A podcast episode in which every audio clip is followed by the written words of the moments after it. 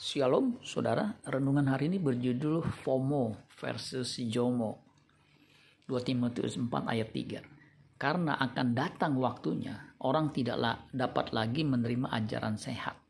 Tetapi mereka akan mengumpulkan guru-guru menurut kehendaknya untuk memuaskan keinginan telinganya. Terjemahan bahasa Indonesia masa kini, 2 Timotius 4 ayat 3 dikatakan begini.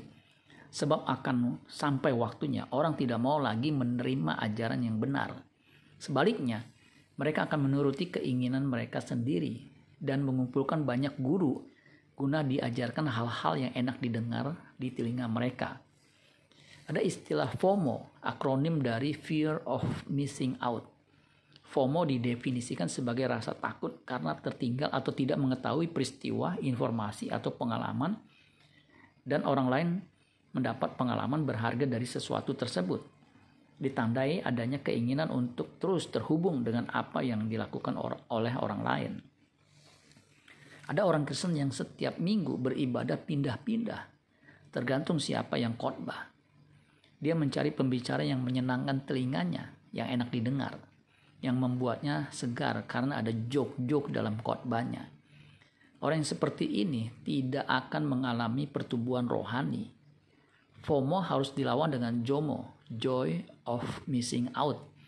Artinya bisa menikmati melewatkan berbagai hal yang tidak ingin kita lewatkan.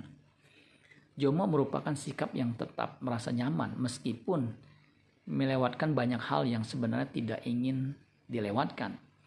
Seharusnya kita enjoy saja siapa pun yang menyampaikan firman Tuhan, meskipun dari seorang pendeta yang sederhana saya beruntung bisa menikmati firman Tuhan di gereja, siapa pun yang menyampaikannya. Sejak pandemi mulai reda, doa pagi di gereja sudah mulai diadakan kembali. Dalam ibadah doa pagi tersebut, ada rekan-rekan kami yang membawakan renungan singkat, dan saya menikmatinya dan merasa diberkati. Bagaimana dengan Anda? Amin buat firman Tuhan. Tuhan Yesus memberkati. Soal Gracia.